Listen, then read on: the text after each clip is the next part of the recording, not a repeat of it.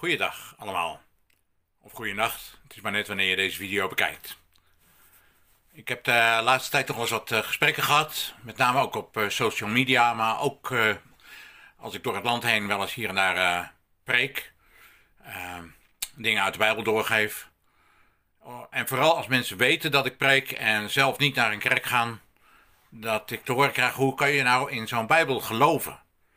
wat heb je nou aan zo'n boek? Het is toch eigenlijk maar en dat is wat ik heel dikwijls hoor, een sprookjesboek. Er zijn mensen die hun leven nog steeds baseren op sprookjesboeken. En wij geloven in wetenschap, wij geloven in allerlei andere dingen, wij geloven in een stukje zekerheid die we halen buiten zo'n sprookjesboek. Wat moet je nu in hemelsnaam met de Bijbel? Uh, ja, wat ik daar wel dikwijls van denk is, van een sprookjesboek is de Bijbel natuurlijk niet. Hè? Sprookjesboeken, dat zijn eh, boeken zoals de sprookjes van Grimm, of het sprookje van, uh, van uh, de Wolf en de Zeven Geitjes of van Roodkapje. Dat zijn duidelijk verhaaltjes die, uh, die leuk zijn, die ook niet kunnen. Maar die ook trouwens wel dikwijls de bedoeling hebben om je nog iets bijzonders te leren. Waar je iets mee kan doen, waar je verder mee kan komen. In die zin is de Bijbel weer wel een sprookjesboek, want het staat vol verhalen die ook bedoeld zijn om iets van te leren, om er iets mee te kunnen doen. De Bijbel is geen sprookjesboek, sowieso niet, omdat het eigenlijk ook niet een echt gewoon boek is. De Bijbel is een samengestelde bundel van allerlei boekjes, briefjes, dingetjes. Uh, in, in, de, in de Nederlandse, of in ieder geval in de gewone christelijke uh, bundels, bestaat de Bijbel uit 66 boeken. In de Joodse bundel weer uit wat minder boeken. Uh, maar hoe dan ook, de Bijbel is, is een verzameling van geschriften. Sommige dingen zijn geschiedkundig, althans die pretenderen geschiedkundig te zijn. Andere dingen zijn liedjes, liefdesliedjes heel dikwijls, maar ook uh, liedjes om bepaalde heldendaden te bezingen, eposliederen. Uh, sommige andere dingen zijn weer spreuken. Heel veel mensen hebben een spreukenkalender uh, ergens hangen op het toilet of iets dergelijks. Elke dag een wijze spreuk die je mee kan nemen. Nou, zo staat er een heel boekje, een heel geschrift in de Bijbel staat vol met spreuken. Daar zou je wel een paar jaar een spreukenkalender mee kunnen vullen. Filosofische uh, boeken over bijvoorbeeld wat alles er nou toe doet. En het zou je verrassen dat je dan bijvoorbeeld in de Bijbel een boekje vindt, uh, zoals Prediker, wat zegt van ja, eigenlijk is alles volstrekt zinloos. En degene die dat boekje heeft geschreven, die, uh, die zegt van ik heb van alles onderzocht. Ik heb mij uh, begeven tot allerlei dingen, allerlei activiteiten, maar ook tot allerlei ontspanningen. Het eh, drinken van wijn, het bouwen van gebouwen, het hebben van vrouwen of wat er dan ook is. En uiteindelijk zeg ik, het is allemaal volkomen zinloos. Het water stroomt naar de zee en de zee wordt niet vol. De zon komt op en ze hijgt zich naar de plaats waar ze ondergaat. Het, uh, het doet er allemaal niks toe. Dat soort dingen vind je ook in de Bijbel. Uh, in de tweede helft van de Bijbel, vooral de christelijke helft, daar vind je voornamelijk wat uh, geschriften, wat brieven die geschreven worden over het leven van Jezus. De eerste vier boekjes van de Bijbel zijn de evangeliën. Uh, die gaan echt over het leven van Jezus. Hoe dan ook natuurlijk een, een enorm belangrijk persoon geweest in deze wereld. Als u alleen maar bedenkt dat uw eigen verjaardag is afgemeten naar het geboortejaar van Jezus. Ik ben zelf geboren in 1953. Dat betekent 1953 jaar na de geboorte van Jezus. En zo geldt dat ook voor jouw geboortejaar. Dus op zijn minst al uh, aardig om daar iets van te weten. Wat was dat dan eigenlijk voor een figuur die onze jaartelling mede heeft bepaald? Die zo'n invloed heeft gehad op van alles. Nou, dan krijg je een boekje over wat al die apostelen, die discipelen gedaan hebben. En misschien hebt u wel eens de Passion gezien, al die apostelen rondom dat kruis.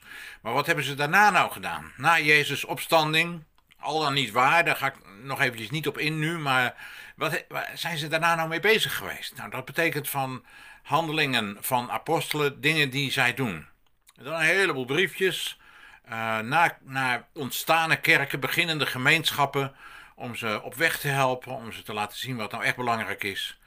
En tot slot dan nog een stukje profetie, openbaring. Ik denk dat iedereen dat ook wel kent. Niet het boek inhoudelijk, maar hoeveel films zijn er niet verschenen die heten Apocalyps of 666 of Het getal van het beest of Op weg naar het einde en dat soort uh, verhalen. Nou, die komen dan allemaal uit, uh, uit openbaring. Hè. Dat boek heet in het Grieks ook Apocalyps, onthulling. Dat onthult wat er uiteindelijk aan het einde van de geschiedenis, maar ook nu al zichtbaar uh, gaat gebeuren. Nou, ik wil in een paar stukjes de komende tijd, stukjes van een minuut of vijf, uh, iets laten zien van wat die Bijbel nou eigenlijk is. En waarom ik denk dat het wel een bijzonder boek is. Waarom het niet, zeker niet alleen een sprookjesboek is, maar wat voor wijsheid erachter zit, wat voor waarheid erin zit. En wat we er ook vandaag mee kunnen. Uh, dus ik, ik kijk ernaar uit. dit was het eerste stukje. laat me vooral weten wat je ervan vindt. ook als je er niks van vindt, dan, nou, dan sla je het over of je laat dat even weten. Maar als je het leuk vindt of je hebt een vraag, laat het me weten en we gaan er zeker op door. Dit was het voor vandaag en eh, tot de volgende keer. De Bijbel is geen sprookjesboek. Gisteren zijn we daar al uh, mee begonnen. En heb ik uitgelegd dat er uh, heel veel verschillende verhalen in de Bijbel staan. En heel veel verschillende genres: wijsheidsliteratuur, poëzie, geschiedkundige verhalen, brieven, profetische verhalen en dat je moeilijk kunt zeggen dat heel de Bijbel één groot sprookjesboek is. Iets anders is, is nou de Bijbel betrouwbaar genoeg om daar geloof aan te hechten? Staan er dingen in die je kunt geloven?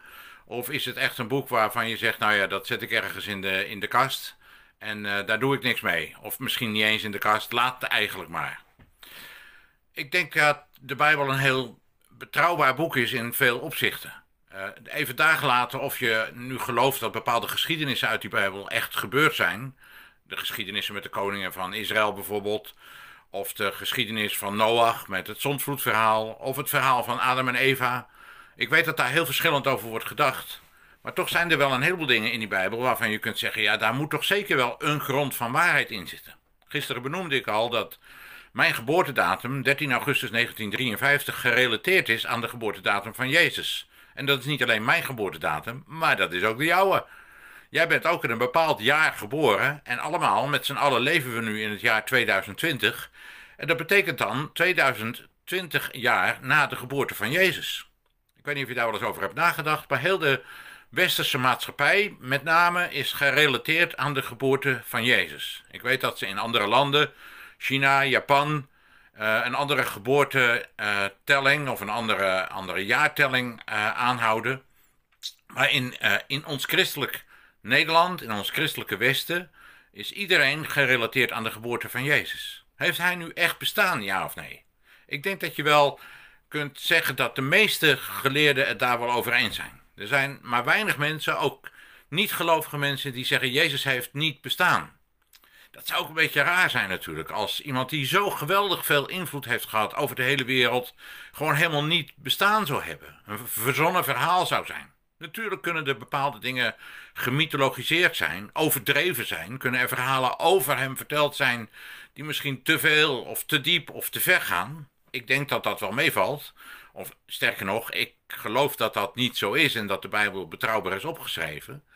Maar waar het mij vandaag om gaat, is het nou een sprookje dat Jezus heeft bestaan? Eigenlijk denk ik dat bijna iedereen het erover eens kan zijn dat dat geen sprookje is. Werkelijk waar, zo'n 2000 jaar geleden heeft er een man in Israël, in Palestina zoals je wilt, rondgelopen met de naam Yeshua, Jezus. Die naam overigens betekent: Ik zal mijn volk redden van hun zonde. Dat is toch wel een heel bijzondere naam en een naam die op die manier ook over de hele wereld bekend geworden is. Die man heeft daar gelopen.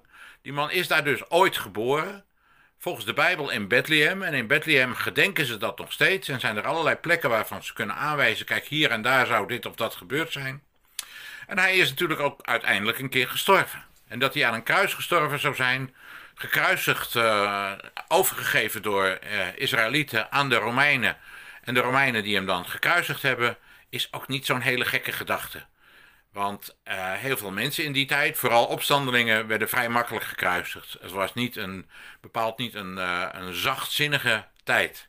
Hij ging aan het kruis. En als we de overheden moeten geloven uit die tijd, die hebben een verhaal verteld toen hij in zijn graf niet meer te vinden was, dat zijn discipelen gekomen zouden zijn en dat ze hem s'nachts weggehaald zouden hebben en ergens anders neergelegd zouden hebben. Dat is in feite een van de eerste complottheorieën die je vindt in de Bijbel. Uh, als je die complottheorie uh, gaat geloven, de complottheorie van de toenmalige overheid, als je denkt dat de overheid wat dat betreft gelijk heeft gehad, de Romeinse overheid, ja, dan moet je zeggen dat Jezus ergens tot stof vergaan is in een voor ons onbekend graf en nooit meer is teruggevonden. Maar is dat reëel om te veronderstellen? Daar wil ik graag morgen op terugkomen. Dankjewel voor het kijken en tot ziens.